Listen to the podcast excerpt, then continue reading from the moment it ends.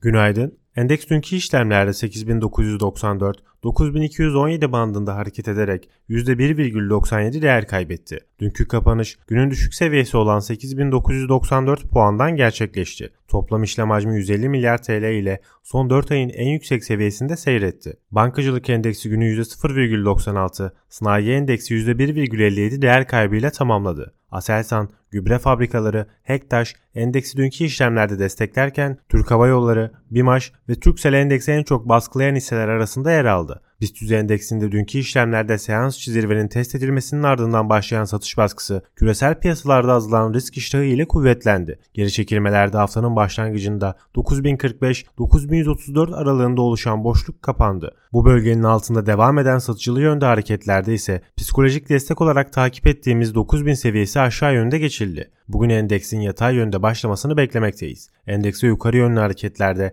9100 ve 9250 dirençleri hedeflenebilir. Olası geri çekilmelerde 8900, 8800 destek olarak takip edilebilir. Endekse geçtiğimiz haftanın tepe seviyesi olan 9045 üzerindeki seyir kısa vadeli pozitif görünümün bozulmaması açısından yakından takip edilebilir. Teknik takip listemizde bugün Aselsan, İşCTR, İşmen, Sasa ve Tüpraş yer alıyor. Dün ABD enflasyonunun beklentilerin üzerinde gelmesi sonrası küresel piyasalarda risk iştahı zayıfladı. Beklentinin %2,9 olduğu manşet tüfe Ocak'ta yıllık bazda %3,4'ten %3,1'e geriledi. Çekirdek tüfe aylık bazda %0,4 ile 8 ayın en yüksek seviyesinde gerçekleşti. Bugün küresel piyasalarda Euro bölgesinde gayri safi yurt içi hasıla, İngiltere'de enflasyon verileri takip edilecek. Yurt içinde ise öne çıkan bir veri bulunmuyor. Herkese bol kazançlı bir gün dileriz.